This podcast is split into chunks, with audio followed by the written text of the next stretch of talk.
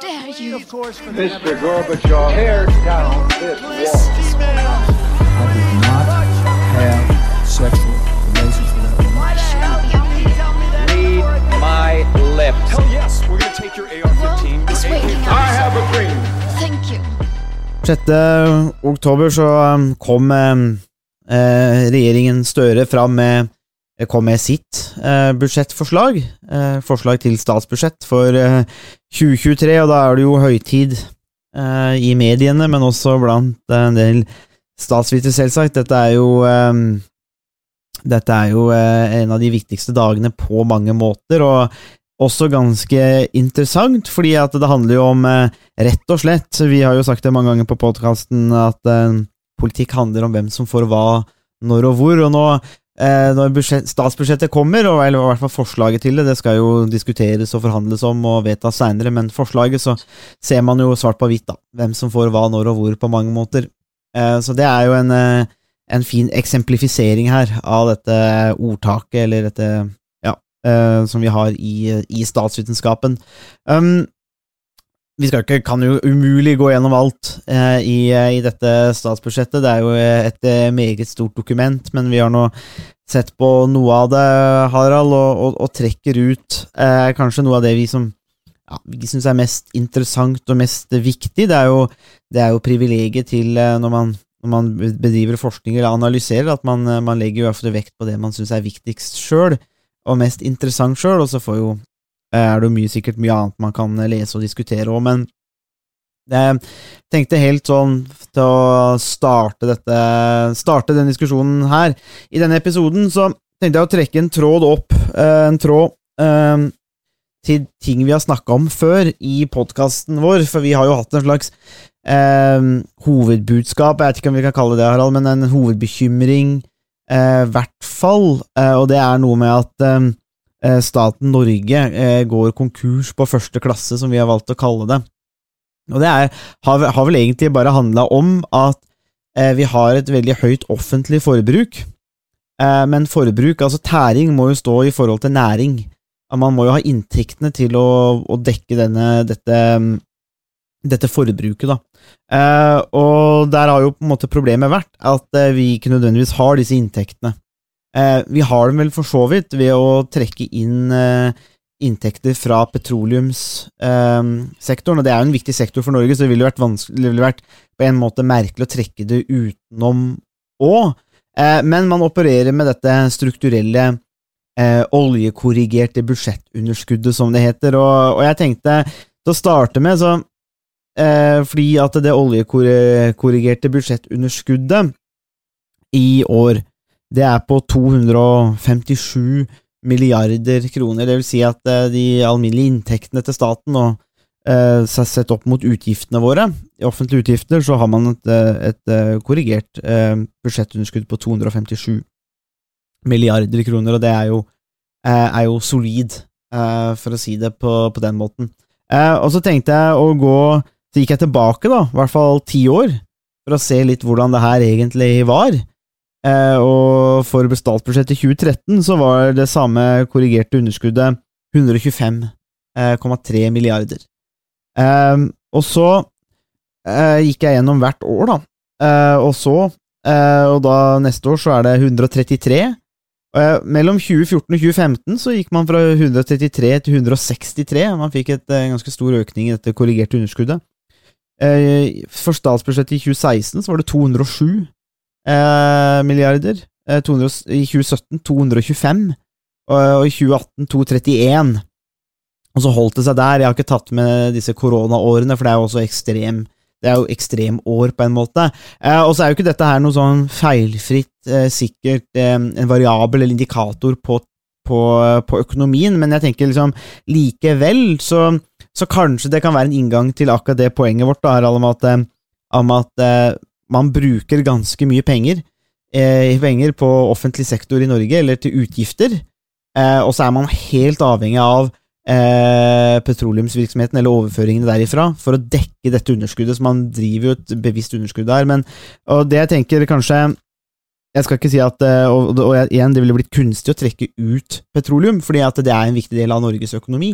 Men eh, det jeg tenkte likevel, er at eh, når man ser eh, disse budsjettene under ett, så, så føler jeg bare at årets budsjett også De, de kalte det innstramming, men kanskje det, det ser ut til å bare videreføre, egentlig, eh, dette at man sliter med å egentlig få god nok kontroll da, på en offentlig sektor.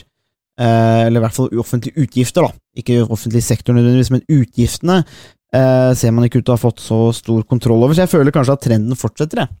Eh, Ja, uten, ut, uten tvil. Eh, 257 milliarder. Eh, som korrigert budsjettunderskudd i år, så um, er det jo absolutt eh, jo, det jo absolutt ingen tvil om at eh, trenden fortsetter. Og det, det er jo klart, eh, som du var inne på også, Sondre, så er det jo, det er jo litt kunstig, en litt kunstig måte å tenke på på én måte. Men for, for det er jo sånn at hvis vi ikke hadde hatt oljenæringen i Norge, så ville vi jo antagelig hatt andre næringer eller de menneskene som har sysselsatt eller som er sysselsatt i oljenæringa i dag, de ville antagelig vært sysselsatt innenfor andre, andre næringer, eh, som også ville bidratt eh, med skatteinntekter. Så sånn sett så, så er det jo vanskelig, og egentlig litt kunstig, å sette opp et sånt eh, eh, en, en sånn oversikt eh, også. Eh, fordi det er, det, det er ikke sånn at hvis, hvis vi ikke hadde hatt oljenæringa, så ville ville de 257 milliardene på en måte ikke eksistert i det hele tatt. De, alle de milliardene ville antagelig ikke eksistert, men antagelig ville noen av de milliardene eh, eksistert. Eh, så sånn sett så blir det litt kunstig. Eh, men samtidig så illustrerer det jo et viktig, eh, viktig poeng, og det er jo et viktig mål eh, på eh, hvor måte, det man kan kalle sånt overforbruk eller merforbruk eh, innenfor offentlig, eh, offentlig sektor. Eh, og det er jo et par, i hvert fall et par poeng som kan være interessant i, eh, i den forbindelse. Det ene er jo hva man får ut av de pengene eh, man, eh, man bruker. For hvis man får utdanning, infrastruktur, helsevesen, pensjoner og forsvar osv. Eh, får de ekstra pengene man, eh, man bruker, så, så fall, har man i hvert fall nytte av pengene. Så er det et annet spørsmål om hvordan det finansier, finansieres, og om det er måte økonomisk bærekraftig. Um, og, men det som kanskje er et, et åpent spørsmål noen ganger, er jo hva man får igjen for pengebruken. Og det er jo egentlig, kan jo altså tas til et, eh, et neste punkt, eh, som, eh, som handler om hvor, altså hvordan Norge, Norges offentlige forbruk er i forhold til andre sammenlignbare land. Eh, og mm, det kan jo si noe om, eh, om hvordan Norge eh, Eller hvordan pengebruken er i Norge i, eh, i forhold til, til andre land. Eh, Så, eh, så det er jo et åpent spørsmål hva vi får igjen eh, for, for pengene. Og om altså, hvor mye forsvinner i administrasjon i forhold til det som går til investeringer og til utbetalinger av pensjon og andre ytelser til, til tilbake til, til borgerne. Mm. Det er jo eh, Det er jo, det er jo, måtte, ja, det, er jo det store spørsmålet. Hva er det man egentlig får for det her? Um, og det er jo eh, Hvis man leser eh, altså Regjeringen har jo et ønske her i, i budsjettet sitt om at man skal ha en rettferdig omfordeling og trygghet for folks hverdagsøkonomi, og eh, et budsjett som skal prioritere trygghet for våre felles velferdstjenester, og som kutter utslipp og legger til rette for disse grønne arbeidsplassene. Um, og, så, og så sa man jo også at det, det gjøres en del innstramninger. Dette er et stramt budsjett, selv om det var litt um, jeg, satt i, jeg satt i bilen i går og, og hørte på NRK Nyheter da, da, da forslaget kom, og, og NRKs dekning og um, Sigrid Solund i NRK forsøkte jo uh, Nei, um, reporteren i NRK, ikke Sigrid, men en, en reporter i NRK forsøkte flere ganger å spørre hva var det som egentlig er stramt. Med, med, med budsjettet, men det var ingen som ville svare på hva som egentlig var stramt. Det var umulig å få måtte, Hva er det som egentlig gjør at det her er et stramt budsjett? Eh, og da, klart, da satt jo andre på også de opposisjonen, men også i media, sa at det er jo egentlig ikke så fryktelig stramt eh, likevel. Det, man, man, bare kaller det et stramt eh, budsjett, men, men, men, man har gjort noen grep, og jeg tenker, i hvert fall noe som jeg legger merke til, er jo det at eh, budsjettet under ett, det handler mye om å på en måte vedlikeholde og holde opp, dekke opp under en del utgifter, altså strømstøtte for eksempel, og en del andre administrative utgifter. Og så kommer det noen innstramninger, og det gjør det jo. Eh, og jeg legger merke til at det kommer innstramninger på eh, for eksempel samferdsel, og samferdsel er jo, er jo dyrt.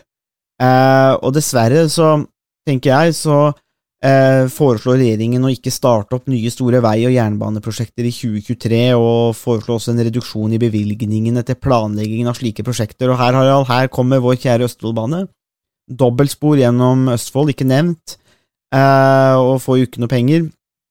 Eh, og det er jo problematisk. Eh, Uh, av mange ulike grunner. Vi har snakka om Østfoldbanen før, men det er bare å se her at en, en, såkalt innstramning da, da, det går på bekostning av Østfoldbanen. Det går også på bekostning av Ringeriksbanen, eh, som da går eh, Ville da korte ned reiseveien mellom Oslo og Bergen betraktelig, og ville da også vært særdeles gunstig for på en måte min, den regionen hvor jeg er fra, da, i Hallingdal. Men, men, eh, men, det er klart at eh, når du har en bergensbane som bruker nesten like lang tid i dag som man gjorde i 1960, så kan man jo begynne å lure. Eh, og eh, Ringeriksbanen ble jo vedtatt i 1992. Eh, så det er jo ikke det at det er denne regjeringen her som skal ha skylda for eh, at, det blir, at det blir lagt på is nå, for det er jo mange regjeringer som har hatt muligheten i 1992 til å gjennomføre gode samferdselsprosjekt. Eh, så det, det, det, skal man jo ikke si, men jeg synes nok likevel at, at en trend eller noe som markerer det budsjettet her, og det var på en måte litt av vår dom, eller spådom, for den regjeringen her da vi vurderte partiprogrammet nå, hvor er de politiske prosjektene, og det jeg tenker er at, eh, at de politiske prosjektene har blitt eh, kutta eh, i, i dette budsjettet òg. Så kanskje det ikke er en så veldig dristig regjering, kanskje det er en regjering som ikke er klar for de store politiske prosjektene, og det verste er jo at Ringeriksbanen er klar til å bygges, den har til og med fått stempelet gryteklar, og selv da så går regjeringen vekk fra det. Altså en arbeiderpartiregjering som elsker gryteklare prosjekt, um, som har gryteklut klut og ovn og alt klart, før nå på en måte retten står på rista og bare kan settes inn, så, så, så går man vekk fra dette prosjektet.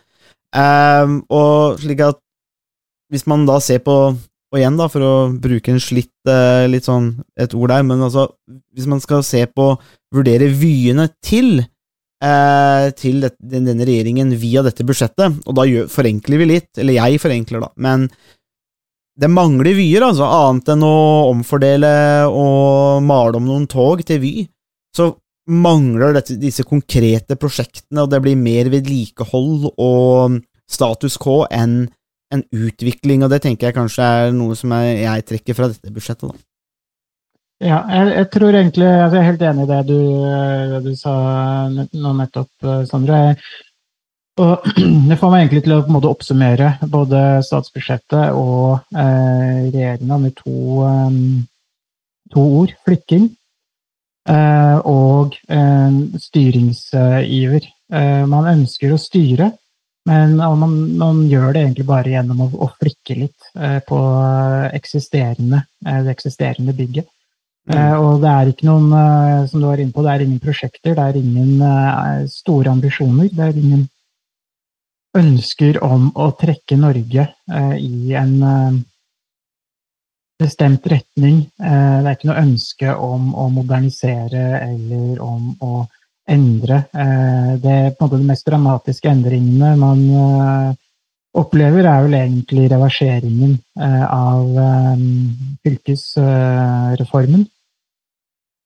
Hvor Viken f.eks. er i ferd med å bli, bli reversert. Det er type Det er den type reformer, reverseringsreformer, som er det, det som kjennetegner dagens regjering. Og så er det jo også, når man ser på noen av detaljene i, eh, i statsbudsjettet, så er det jo veldig mye eh, altså De store postene går jo til alderspensjon eh, og forsvar. Fikk nesten 10 eh, økning i budsjettet. Og også samferdsel, utdanning, helseforetakene osv. Men etter at man har eh, tatt bort de eh, hovedpostene som, for- som pensjoner og infrastruktur og utdanning og helse, rettsvesen osv., så, eh, så sitter man jo fortsatt eh, igjen med en pott på 387 milliarder som går under såkalte andre eh, utgifter. Og spørsmålet er jo litt hva om alle disse eh, milliardene eh, er strengt tatt nødvendig, og hva man får eh, igjen for, for den pengebruken. Jeg ser godt at man får mye igjen for både helse, pensjoner og mange av de andre postene på, på stats, statsbudsjettet. Men spørsmålet er om man trenger Om man får noe mm, hva slags utbytte eh, man får etter at man har betalt ut pensjoner og eh, helsevesen og utdanning osv. Mm. Eh, og eh, der er det kanskje et, eh, et eh, Noen av de, noen av de eller mangelen på prioritering eh, kunne, kunne kommet inn eh, i bildet og kanskje eh, gjort noe med eh, altså hva man får ut av de, eh, den, den pengebruken som eh, går til en såpass eh, såpass stor, eh, stor pott. Mm. Det, er jo, altså, det er jo viktig med det er, jo, det er jo store forventninger dette til statsbudsjettet og, eh, og hva staten gjør. Altså, så jeg tenker Det er jo ikke alltid like enkelt heller, for jeg ser jo NRK har jo en sak om, om hva statsbudsjettet betyr for vanlige folk, eller hva betyr det for deg. Eh, og Da ser jeg jo at det er en som de har intervju, intervjua der, eh, som har barn, kone og tre barn, og bekymrer seg for prisveksten eh, men uttaler til, måte, til NRK at han ønsker seg billigere barnehage og SFO, skattelette og mer tilrettelegging. Og der tenker jeg sånn eh, På en måte så er det en utakknemlig jobb å være finansminister og, og regjering òg, fordi at hvis kravet er mer offentlig tilbud og mindre skatt, da har man en oppskrift på noe som ikke funker. Altså, det, det lar seg bare ikke gjøre. Eh, og, så det er jo et spørsmål her òg, på en måte. Er det er det, altså, er det for store forventninger blant folk òg om hva staten skal stille opp med?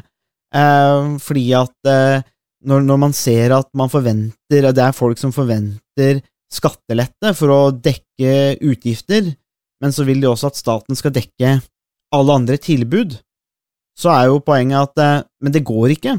Eh, og da er jo spørsmålet, eller litt sånn spekulasjon kan sende tilbake til deg, Harald, da, er på en måte Én ting er er politikerne dårlige til å prioritere, men er folk dårlige til å prioritere òg? Altså, har vi mista på en måte litt det derre har, har, har, folk flest, for å vende klisjeen den andre veien, på en måte glemt å prioritere, eller glemt å Eller ikke lenger forstår på en måte litt sånn den, den sammenhengen her, da, fordi at det, det går jo ikke opp å skulle få alt.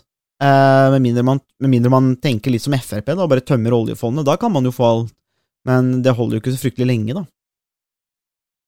Ja, nei, så folk er, er jo uten tvil uh, urimelige, og det, det, er jo Det er på en måte privilegiet til, uh, til folk, folket også. Uh, man kan kreve i, i pose og sekk. det er jo klart at det er jo, det er jo helt urealistisk at man skal få store skatteletter og veldig mye bedre offentlige tjenester. Man må eh, velge det ene fremfor det andre. Vi, vi kan uten tvil eh, eh, få en del store skatteletter til såkalte vanlige folk.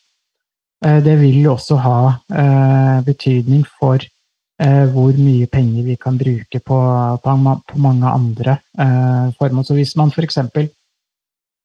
ønsker å redusere eh, inntektsskatten med 10 prosentpoeng for, eh, for de aller fleste, så vil jo det innebære at man må, må kutte ganske mange titalls eh, milliarder.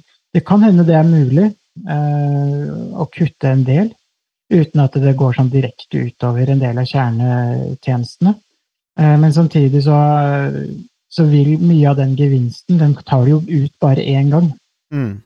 Eh, Reduserer man skal ska- inntektsskatten med 10 prosentpoeng, altså fra kanskje si rundt 35 til eh, rundt eh, 25 eh, så innebærer jo det at, eh, at man betaler mye mindre i skatt. eh, Og eh, det innebærer også at eh, man må kutte de eh, kutte kost, tilsvarende kostnader et annet sted i, eh, i budsjettet. Og det kan man kanskje gjøre én gang, men når man først har tatt ut den eh, reduksjonen, så er det ikke så veldig mye mer å, å Mm. gå på. Da kan man ikke redusere det fra 25 til 15 eller 20 prosentpoeng. Så, så det er litt dilemma også. Man, eh, det er på en måte engangs, uh, engangsforeteelser å Mm. redusere uh, skattene på, på den måten. Mm. Det er klart man kan, eh, man kan alltid diskutere nivået på, på skattene og andre avgifter. eh, Og det,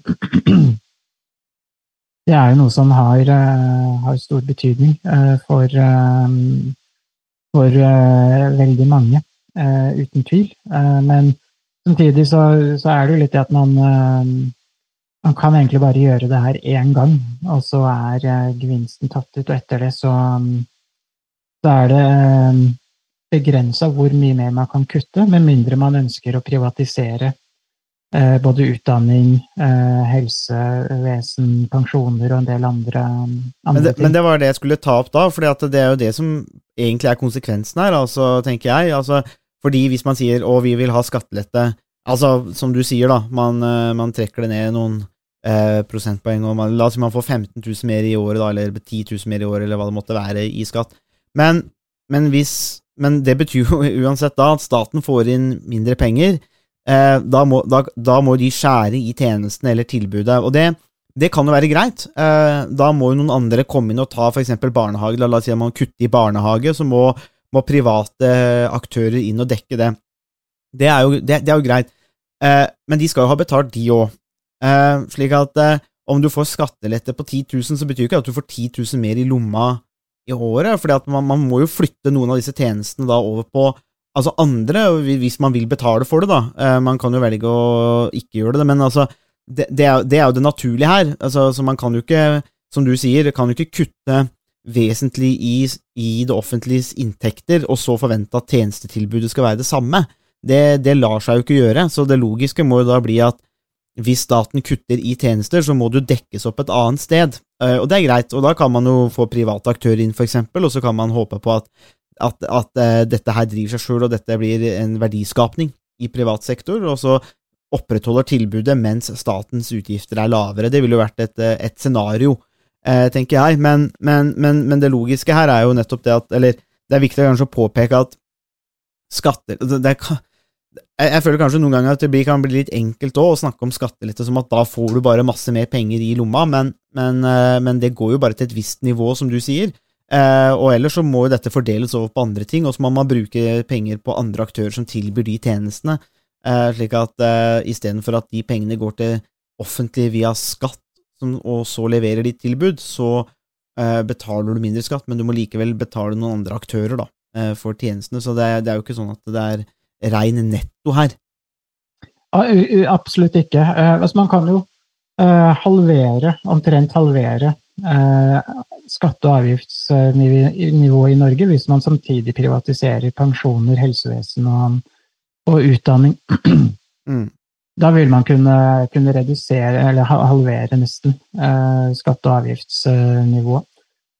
Eh, og, da, da, det er jo egentlig i og for seg greit nok, men eh, det betyr jo ikke at man fjerner de kostnadene eh, likevel. Altså, vi må fortsatt ha, vi trenger fortsatt pensjoner og tilgang til, eh, til helsevesen og eh, utdanning. Så det vil jo egentlig bare bety at man, man flytter eh, pengene fra én sektor til en, eh, en annen sektor. Mm. Eh, altså er det jo, det er klart, eh, venstresiden i politikken de har jo en oppfatning om at de vil ha en sterk eh, og stor stat. Eh, høyresiden i politikken de ønsker en, en mindre eh, stat. Eh, litt sånn overforenkla. Eh, og det er på en måte den ideologiske eh, ideologiske eh, posisjoner. Men samtidig så for de aller fleste velgerne så har de kanskje et ganske avslappa forhold til om det er offentlig eller privat. De er opptatt av de beste tjenestene eh, og har kanskje et eh, De er relativt likegyldig eh, til om det er offentlig eller, eh, eller privat, så lenge toget går og togbillettene er forholdsvis eh, rimelige, så er det, er de kanskje ikke så veldig opptatt av om det er staten eller en privat eh, aktør. Men kostnadene er jo der uansett, eh, om det er private eller offentlige ak aktører. Eh, og det er ikke sikkert at pensjon, at vi får mer og bedre pensjoner om det privatiseres. Men det er jo ikke sikkert at det nødvendigvis er best sånn som det er nå heller, eh, bare for å ha sagt det. Eh, Men eh, kostnadene vil i stor grad være der uansett. eh, Og om det er offentlige byråkrater eller privatansatte privat ansatte eh, bankfunksjonærer som administrerer og ordner med pensjonene våre, er på mange måter det samme. Mm. Og, for, og, for vårt, og for vår diskusjon så er jo det relevante her at, at det går inn på statens utgifter. Så det man kan jo godt velge partier.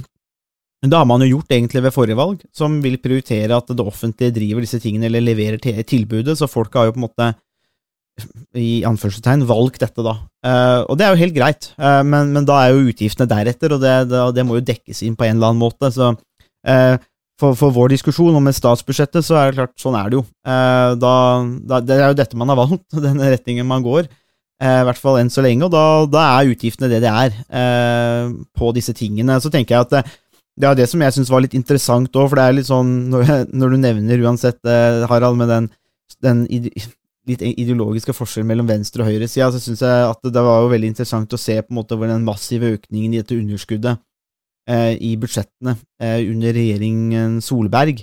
Eh, og det som jeg syns er interessant med det, det er mer at eh, jeg føler, selv om ikke dette er noe sånn der eh, skuddsikkert bevis på noe som helst måte, jeg syns likevel det bare bygger opp under dette, eh, dette perspektivet som, og argumentet vårt da, om at de fleste norske politiske partier har blitt veldig glad i å bare kaste penger på problemene, for, der, for, for på den måten å tekkes velgere.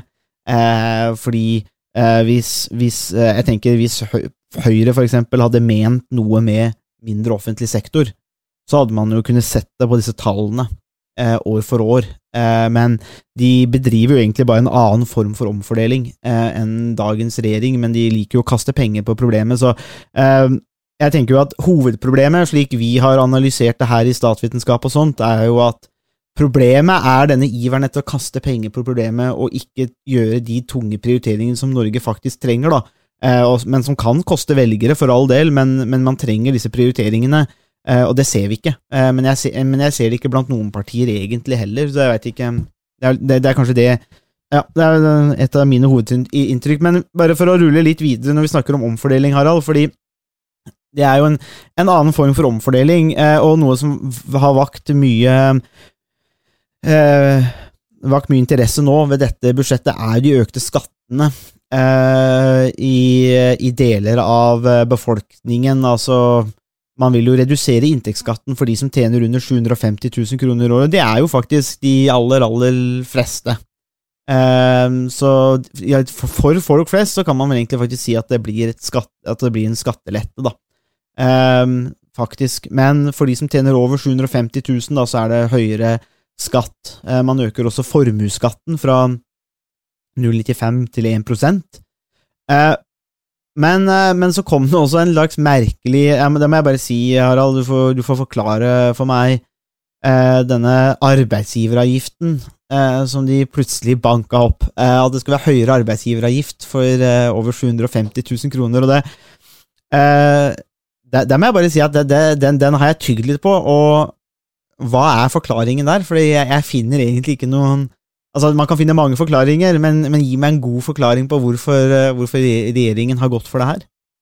Ja, eh, jeg, jeg la merke til det samme, og jeg, jeg er egentlig um, har egentlig ingen forklaring på, um, på, på hvorfor de har gjort, gjort det, jeg heller. Jeg, jeg syns det er veldig Jeg syns det er veldig merkelig, og det, det, det, virker jeg skjønner ikke helt Jeg skjønner det ikke i det hele tatt. Jeg syns det er en, en, en merkelig prioritering. Men det er jo litt sånn Hvis du f.eks. da har La oss si at du har tre arbeidsgivere. Og du da til sammen tjener over 750 000. Betyr det da at hvis du ikke tjener over 750 000 hos noen av arbeidsgiverne, så betaler de jo da ikke høyere arbeidsgiveravgift. Men du har likevel da en inntekt over 750 000. Så jeg vet ikke helt om det er en, et forsøk på å, å bremse lønnsveksten noe. Mm. For de som har høye inntekter. Samtidig så, så vet jeg ikke helt hvor mye effekt det vil, det vil ha for, for lønnsveksten. Det er, men det er på en måte også en Det kan ses på som en måte å skjerme arbeidstakerne for høyere skatt. Mm. Fordi man tjener 800 000, så, så får man jo ikke noe høyere skatt. Men man får en høyere Men arbeidsgiver får en høyere kostnad. Mm.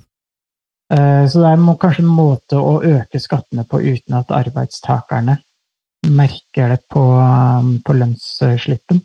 Ja, det er jo jeg, jeg ser jo det at, at den, denne arbeids... Altså denne arbeidsgiveravgiften da, på all lønn over 750 000 skal gi opptil 7 milliarder i ekstra inntekt i staten, og at, at noe av det det grunngis med, er at det skal gå til å dekke ekstraordinære utgifter. og det er jo Jeg ser jo noen kommentarer, blant annet i Dagens Næringsliv, mener at det ser, noe suspekt ut, eller mistenkelig ut, at, at grunnen er ekstraordinære utgifter, og, og det er jeg jo enig i. altså det ser veldig merkelig ut. Hadde man, hadde man redegjort for litt sånn som du gjør, at dette er et ønske om å stagge lønnsvekst eller, eller, eller gi en byrde over på arbeidsgiver istedenfor arbeidstaker, og så sier man at ok, bedrifter som har mulighet til å lønne folk over 750 000, de gjør det bra, så, så de må ha penger til det, men man kan jo finne noen grunner til det, men, men, og, og, men, jeg, men akkurat den her jeg må si at det er en slags skatte...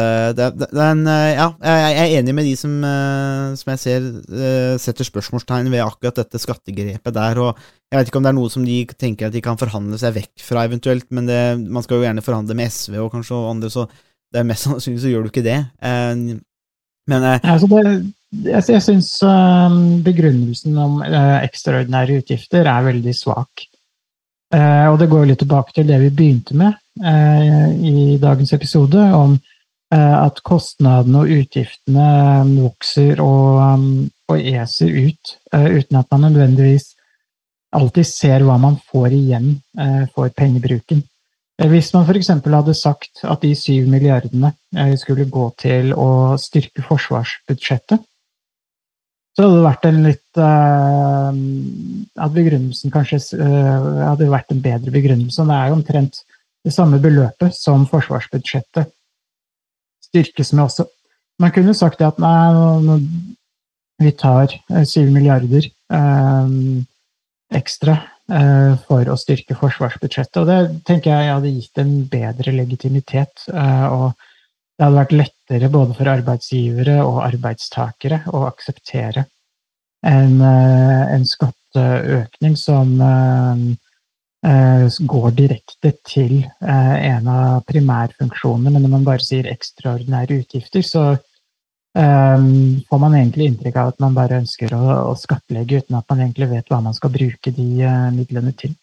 Ja, er jo, altså Skatt er fryktelig vanskelig, og jeg skal ikke late som at jeg er noen ekspert på, på skattepolitikk, for det, men det tror jeg nesten ingen er heller, for det ser aldri ut til å bli bra nok, eller korrekt, eller eh, dekkende nok, eller rettferdig nok, så det er jo ufattelig kompliserte greier. Men, men denne høyere arbeidsgiveravgiften jeg, jeg, jeg, sliter med å se litt hvordan det skulle stimulere eh, til flere ansettelser eh, eller høyere verdiskapning, når eh, rett og slett bare ved det enkle argumentet at eh, at inngangsporten, eller lista, blir jo høyere eh, for å potensielt ansette folk, og det er jo eventuelt kostnader som disse bedriftene må dytte over på forbrukere eller kunder igjen. Eh, så jeg, jeg, jeg, sliter litt med å se hvordan den skatten der skulle, skal på en måte kunne fungere, eller, eller bli akseptert, og det er litt noe med der, eh, noe det der første inntrykket man får på en del ting, fordi jeg tenker jo det samme som, som du sier, Harald, at, og, og, og jeg har ingen problemer med å med å altså, betale skatt, eh, altså, og, og, det går, og, som rent personlig, og jeg har jo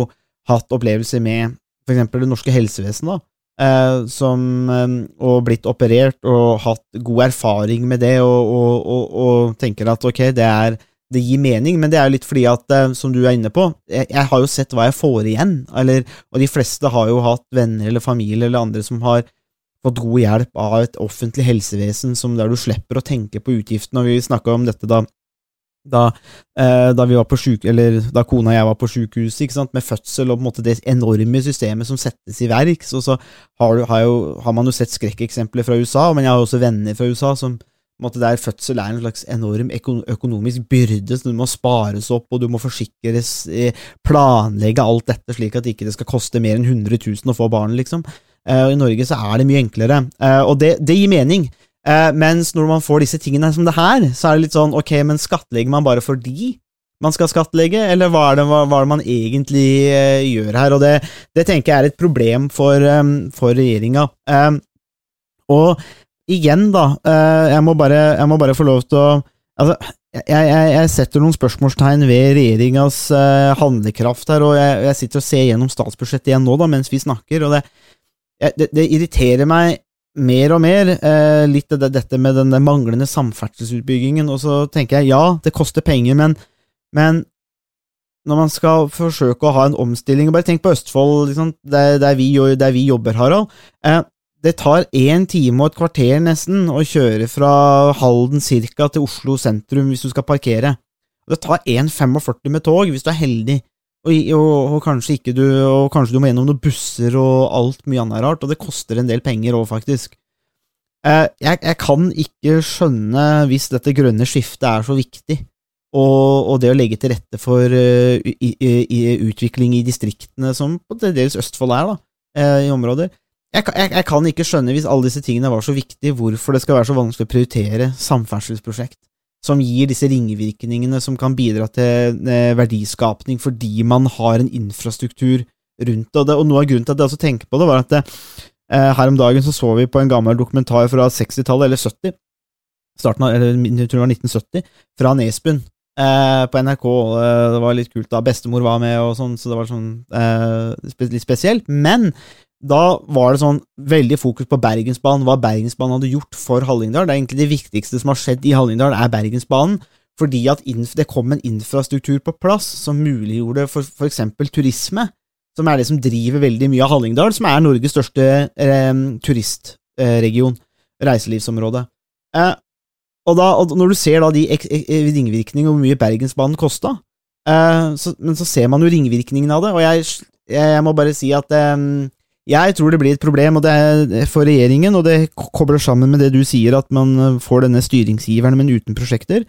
Det, ja, jeg, jeg, tenker at regjeringen lar en mulighet gå forbi dem her, med å faktisk sette i gang konkrete prosjekter og si at vi bygger landet, istedenfor å måte, si at vi bygger landet gjennom masse meningsløse reformer. Da. Ja, um, jeg er helt, helt enig i det. og det Eh, sånn som eh, Bergensbanen gjennom eh, Hallingdal, som du nevnte nå, er jo egentlig et veldig godt eksempel, fordi det er jo infrastrukturutbygging som har positive konsekvenser i generasjoner.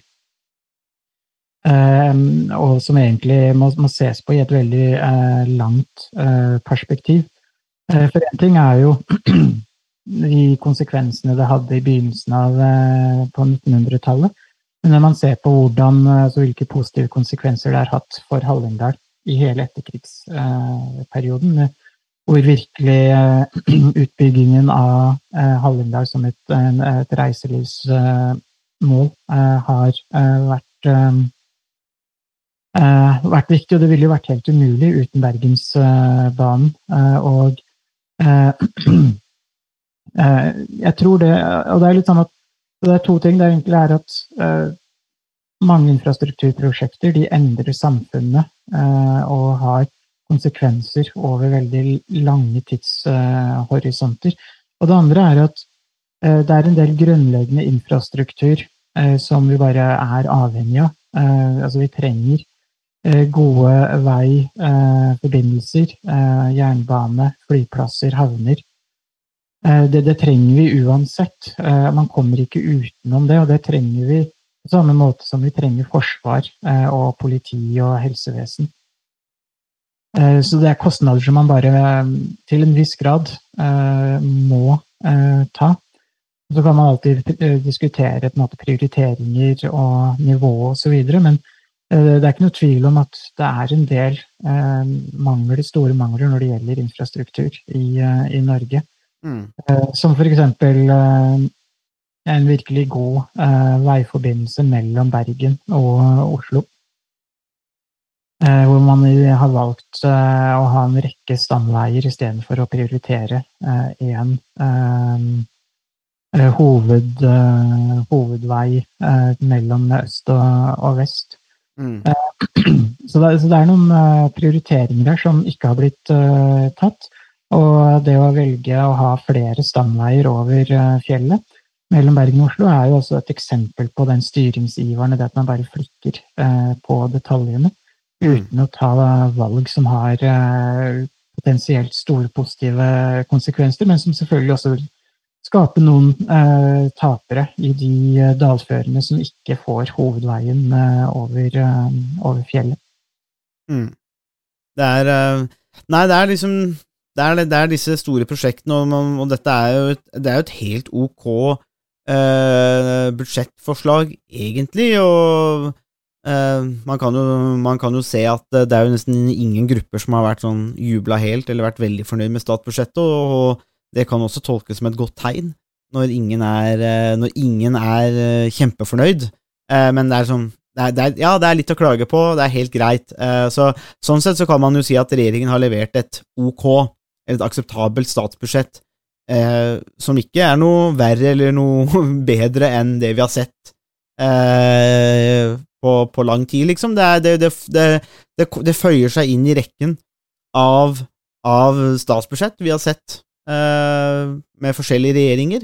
Eh, og vi mangler disse, tenker jeg, disse, disse, klare politiske prosjektene. Men det er jo Og jeg syns jo det henger godt sammen med det vi analyserte med alle disse partiprogrammene det forrige valg, Harald, at uh, vi, vi savna disse politiske prosjektene, og vi, vi, ser dem ikke fortsatt uh, når, det til, uh, når det kommer til dette statsbudsjettet. Så, men vi kan jo avslutte helt, helt kort, Harald. Du hadde lagt merke til litt med forskning og offentlig forskning og høyskoler. og Jeg tror Høgskolen Østfold, vår arbeidsplass, fikk noe sånn 810 millioner kroner eller noe sånt. Noe.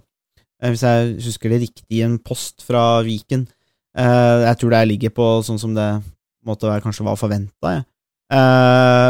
men en, en, større endring er vel det at regjeringen foreslår at universiteter og høyskoler skal kreve minst kostnadsdekkende studieavgift fra studenter utafra EØS e og Sveits, eh, slik at det gjelder jo ikke da alle landene som er med i Rasmus-programmet, altså i EU, da. Eh, de vil, ikke, de vil ikke bli rammet av dette, men land utafor, da. Det, der er vel noe med det at eh, man, man Eller regjeringen ønsker, da, at eh, norske, norske eller høyere utdanning skal egentlig følge eksempler fra ganske mange andre land, egentlig, med å ta disse, en, en sånn minsteavgift, da, eller hva man skal kalle det. Ja, og det har jo vært et spørsmål som har vært diskutert mye uh, i, innenfor høyere utdanning. og det er litt interessant at det er en Arbeiderparti-Senterparti-regjering som kommer med, med det forslaget. Eh, fordi det, det er noe som eh, Et forslag som eh, minner mer om høyrepolitikk enn eh, solidaritet og eh, Arbeiderpartipolitikk. Så sånn sett så er det litt interessant. Eh, og det er jo også noe av det som jeg eh, så der, så der er det jo på en måte Men det er jo et, et forslag som, eh, som gi har det 2,6 milliarder eller noe sånt nå, i potensielle eh, inntekter. Så det er jo et, um, et forslag som kan være med på å styrke høyere utdanningssektoren noe, i, hvert, i hvert fall. Og eh, Så sånn sett så er det et, et forslag som, ehm, som nok er litt kontroversielt, men som også ehm, på mange måter eh, Det er jo rimelig at noen må dekke de, de kostnadene. Eh, og det er jo kanskje et eksempel på å forsøke å vise en viss eh, stramhet i, eh, i budsjettet også. Eh, Men samtidig så, så er det litt som du var inne på nå nettopp, eh, Sondre, at det, det her er et budsjett som på en måte er litt på det jevne. eh, Og at det ikke skiller seg så veldig mye fra tidligere budsjett, verken til Solberg-regjeringen eller Stoltenberg-regjeringen før Solberg-regjeringen. Og det er jo kanskje også noe som er litt problematisk, fordi hvorfor skal man stemme på Arbeiderpartiet eller Høyre? Hva var forskjellen med å stemme på de to eh, partiene? De to partiene eh, står jo for ca. 50% av velgerne, på, hvert fall hvis man skal se på meningsmålingene eh, de, de siste ukene. Så, så er det ca. 50% av velgerne som velger Arbeiderpartiet eller Høyre. Men hva er egentlig forskjellen? Og hvorfor skal man velge Arbeiderpartiet fremfor Høyre eller Høyre fremfor Arbeiderpartiet, når de ikke eh, vel, har noen eh, prioriteringer? Og, eh, for meg personlig, f.eks., hva er forskjellen på en Støre-regjering eh, og en Solberg-regjering?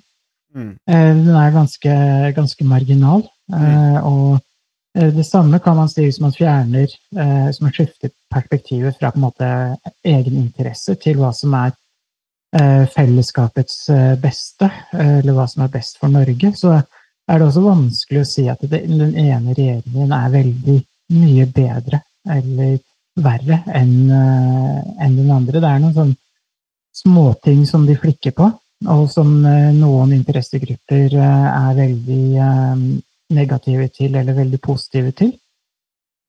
Men bortsett fra det, så, så er det vanskelig å se at, det, her, eh, at politikken virkelig eh, betyr noe. Og det kan man jo si er, kanskje er litt problematisk også, når eh, forskjellene blir så små og man nærmest må, må lete med, med lype gjennom statsbudsjettet og fotnoten i statsbudsjettet for å finne Mm. eh, noen av forskjellene.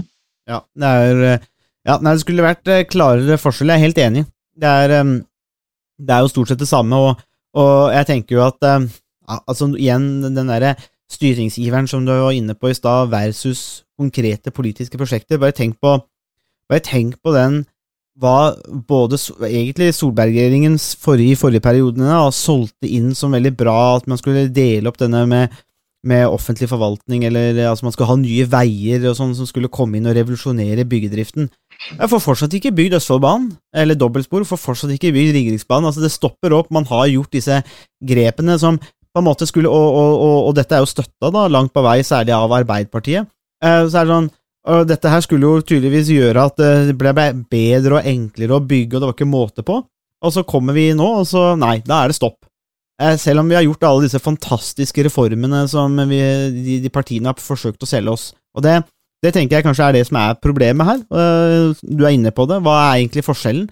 Og, og det blir på en måte mer av det samme, da, uavhengig av, uavhengig av regjering, eh, virker det som. Eh, det er iallfall store forskjeller. På en måte er det bra at det ikke er store omveltninger ved hvert valg, men, men, eh, men, man skulle kanskje ønske da, at hvis man f.eks. for eksempel stemte på et parti på venstresida, så, eh, så stemte man for noen klare politiske prosjekt. Eh, eller, eller og vice versa, da, på høyresida. Men eh, vi ser jo ikke det. Så eh, det er nå i hvert fall et, et jevnt og greit statsbudsjett, ser det ut som. Eh, altså i norsk målestokk. Man, man fortsetter å og jeg ser jo det at eh, sånn korrigert inn for eh, Med tanke på utgifter og sånn, så ligger dette statsbudsjettet her helt på det jevne Eh, verken, verken mer eller mindre, og de gjør noen skattegrep som ser ut til å være det som opp, har eh, opprørt folk mest. Eh, men, men så Og det er, jo, det er jo særlig denne, noen skattegrep som vi har snakka om her, som jeg syns er veldig merkelig. Eh, men samtidig så Hvis man forventer hvis man, hvis man som velger uansett forventer at offentlig sektor skal gjøre veldig mye, så må man også bare forvente at eh, staten kommer inn og tar en del skatt òg. Det er bare, tenker jeg, liksom litt logisk. Så, det, så sånn er nå det. Det er uh, i hvert fall vår diskusjon av eh, statsbudsjettet så langt. Har du noen siste bevingede ord til budsjettet, Harald? Eh, nei, jeg syns du har gitt en god, eh, god oppsummering der. Eh, det er på det jevne, og det er det man kunne, kunne forvente. med noen bitte små overraskelser spredd rundt i, i, i budsjettet, men ellers så er det på det jevne. Det er altså business as usual i, i Norge, i hvert fall. Enn så lenge så får vi se da om dette budsjettet her gir, eh, gir regjeringspartiene noe mer vind i seilene, eller om det på en måte bare fortsetter å sementere den litt nedadgående spiralen som partiene opplever eh, for tiden. Takk for at eh, du hørte på Statsvitenskap og sånt. Har du spørsmål, kommentarer eller tilbakemelding, så er det bare å ta kontakt på vår Facebook-side, per e-post eller brevdue. Musikken er som vanlig laget av Robin Horvath, og Mats Halvorsen mikser og redigerer podkasten. Vi høres!